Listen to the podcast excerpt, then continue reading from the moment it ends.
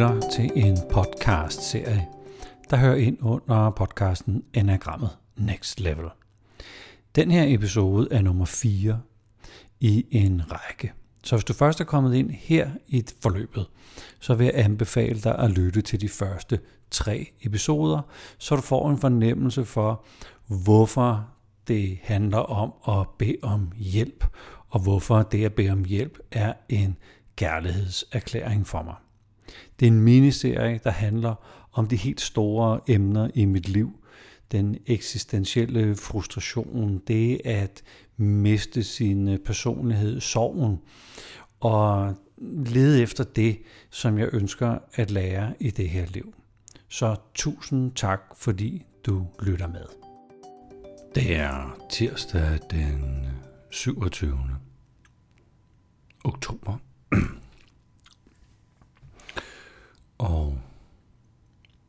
jeg er ved at pakke mit hjem ned.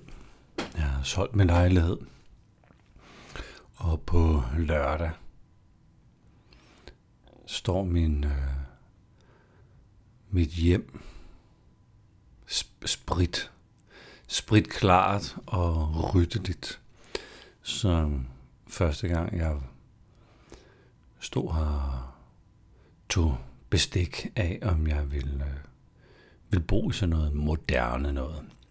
Jeg har stadigvæk min morgen tradition med at sætte mig på min altan med en kop kaffe. Og jeg ved ikke, hvor jeg har fået det fra. Men, men det virker meget naturligt sådan at hæve min kaffekop og sige uh, skål til livet. Og kigge ud på havnebassinet.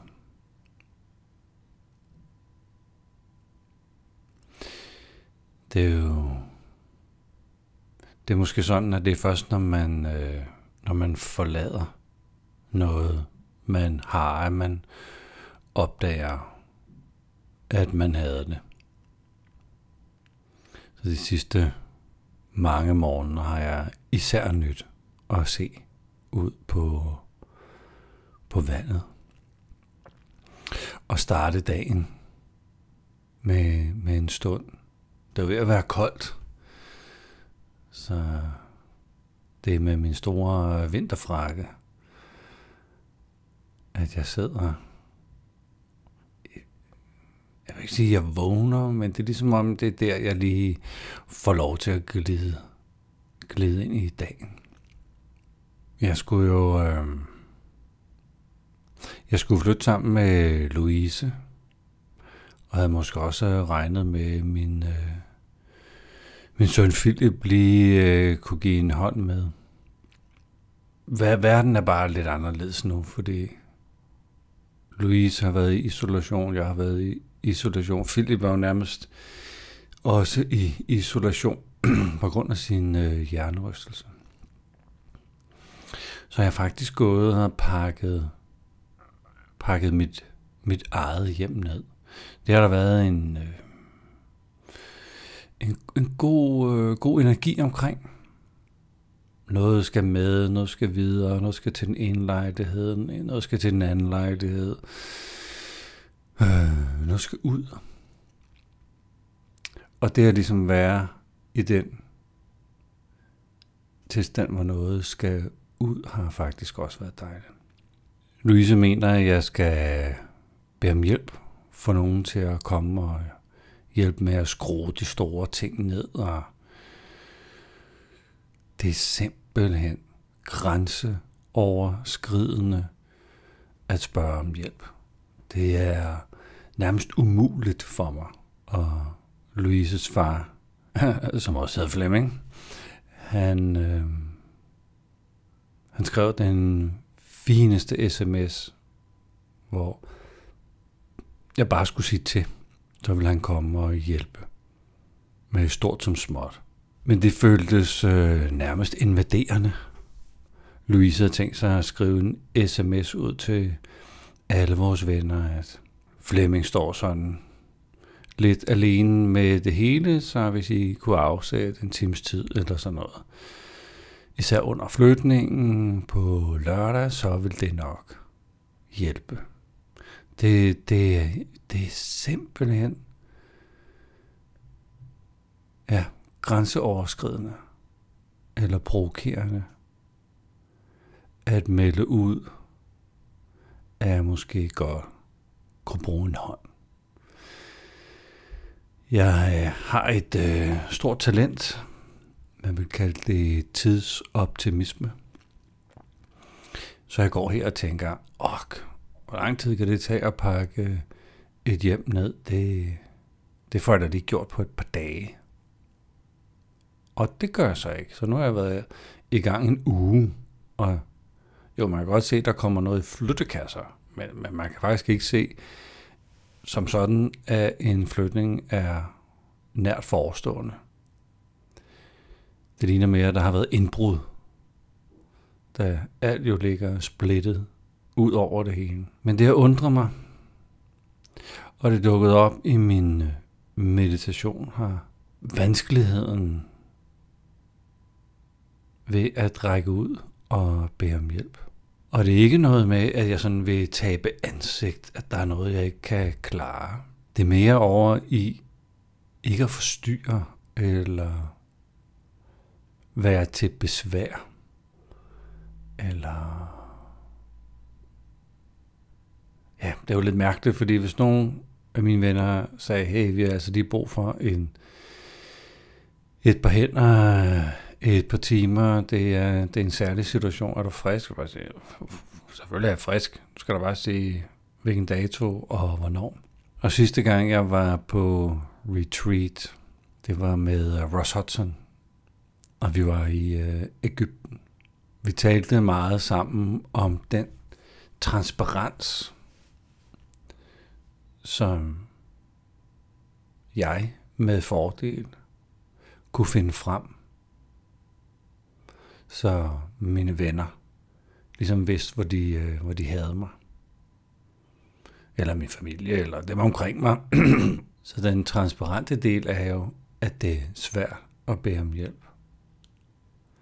Men i morgen har jeg måske erkendt, at jeg har brug for hjælp. Og der vil det jo være transparent. Fortælle dem, mine venner, hvordan jeg har det.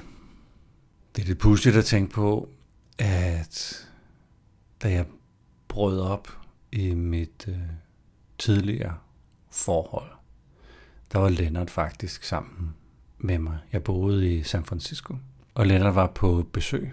Lennart, min gode ven. Og lige den uge, hvor han var der, slog vi op. Og en af hans kommentarer var, at han har altid på bagkant fået at vide, når der har været en kæmpe krise i mit liv. Og ikke anede, at jeg var i en krise. Og det er ligesom at, at kunne være midt i der, hvor den er, og den startede, og den øh, Øh, eksploderede, og den, øh, den, den fandt løsninger. Øh, han, øh, det var jo faktisk at gå fra den ene yderlighed til den anden, men han var rigtig, rigtig, rigtig glad for at kunne være mit vidne i den situation. Og det, det er jo det mest transparente, jeg kan byde på, det er jo at, at være sammen med mig, mens det sker. Så jeg tænker, dele, dele hvordan, hvordan situationen ser ud. Det gjorde jeg i l- l- fredags, lørdags, hvornår det nu var. Hvor jeg ringede til Begitte, min gode kollega og ven, og forklarede, hvad der var sket med, med min mor. Bare sådan lige for, at hun vidste, hvad der foregik at Lennart ved også sådan nogenlunde, hvad der foregår. Jeg kan mærke, når jeg sidder, og, og det er jo helt sindssygt. Jeg bliver varm i hele kroppen, og små svedperler pipler på min pande når jeg tænker på, at jeg skal ringe og bede om hjælp. Men det er jo faktisk ligesom en øh, kærlighedserklæring. Det mærkes som om, at når jeg skal ringe til for eksempel Lennart og spørge, om han har mulighed for at give en hånd med. Det føles som om, at, at, jeg, at jeg siger til ham, Lennart, jeg elsker dig. Men ikke noget med, elsker du også mig? Ja, nej, ved ikke. Det er mere sådan en, øh, en ufortyndet udmelding, og det er helt sindssygt, hvor stort et nummer jeg gør ud af det. Fordi det er jo bare at række ud til sin gode ven og bede om hjælp. Og hvis, hvis nu for eksempel Lennart skal til et bryllup eller sådan noget, så er det jo helt naturligt. Og det vil være helt naturligt, og det vil ikke have været pinligt at række ud. Ligesom barnet eller teenageren i mig, de gange jeg sådan har ragt ud til en pige og har spurgt, hey du, kunne du være, kunne du være interesseret, eller hvordan hulen jeg lige havde formuleret det. Det var ikke pinligt at få et nej, fordi jeg, jeg var afklaret i min øh, udmelding. Så det er lidt teenageagtigt, det der sker sådan på de indre linjer. Og jeg ved ikke, hvorfor jeg skal vente til i morgen, men jeg kan mærke, at jeg skal bede om hjælp.